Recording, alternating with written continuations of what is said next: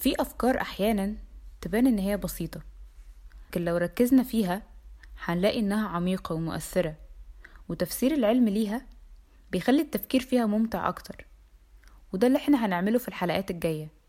هنتناقش في العلوم ونعرض معلومات في أكتر من حاجة بس بطريقة تخليك تشغل دماغك شوية وتتساءل عن أفكار المفروض إنها بديهية أو إحنا اللي واخدينها بشكل عادي في الحياة. أنا حنين المغربي وهكون معاكم في بودكاست اللعب مع الدماغ على منصة عبر.